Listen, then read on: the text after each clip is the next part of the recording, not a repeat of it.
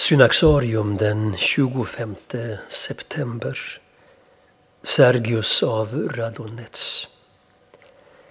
Sergius av Radonets, grundare av treenighetsklostret norr om Moskva, har en särskild plats i det andliga livets historia i den ryska kyrkan.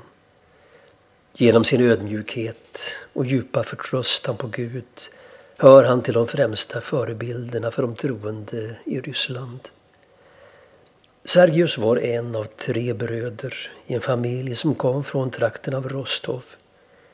År 1328 tvingades familjen flytta till Radonets på grund av myndigheternas trakasserier. Sergius hade som ung betydligt svårare än sina bröder med skolundervisningen men ett möte med en munk kom att innebära en förändring för honom. Efter att Sergius hade förklarat sina svårigheter för munken gav denne honom ett litet stycke nattvardsbröd med välsignelse. Tag och ät detta. Det ges åt dig som ett tecken på Guds nåd och för att du bättre ska förstå skrifterna. Efter det mötet öppnade sig skrifterna för Sergius på ett nytt sätt.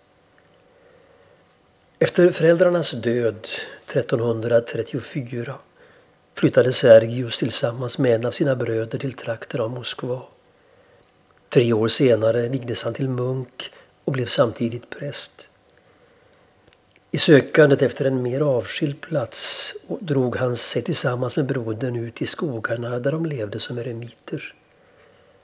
När hans bror några år senare upplevde det avskilda livet alltför krävande stannade Sergius ensam kvar i sin cell i skogen. Han besöktes av vilda djur, vargar och björnar, men utan att de någonsin skadade honom. Med tiden började människor söka upp honom för att få vägledning. Hans lilla cell i skogen växte till ett eremitage när tolv munkar anslöt sig. Det var början till treenighetsklostret som skulle få ett oanat inflytande i rysk historia. Allt eftersom klostret växte sände Sergius sina lärjungar över hela Ryssland för att förkunna evangeliet. Över 400 kloster grundades med tiden av hans lärjungar, många av dessa i de mest otillgängliga trakter. De kom att utgöra modeller för framtidens klosterliv i Ryssland. Ryktet om Sergius, hans liv och verk spreds och patriarken av Konstantinopel, Filoteus gav honom sitt erkännande när han bekräftade den regel som tillämpades i de kloster Sergius lagt grunden till.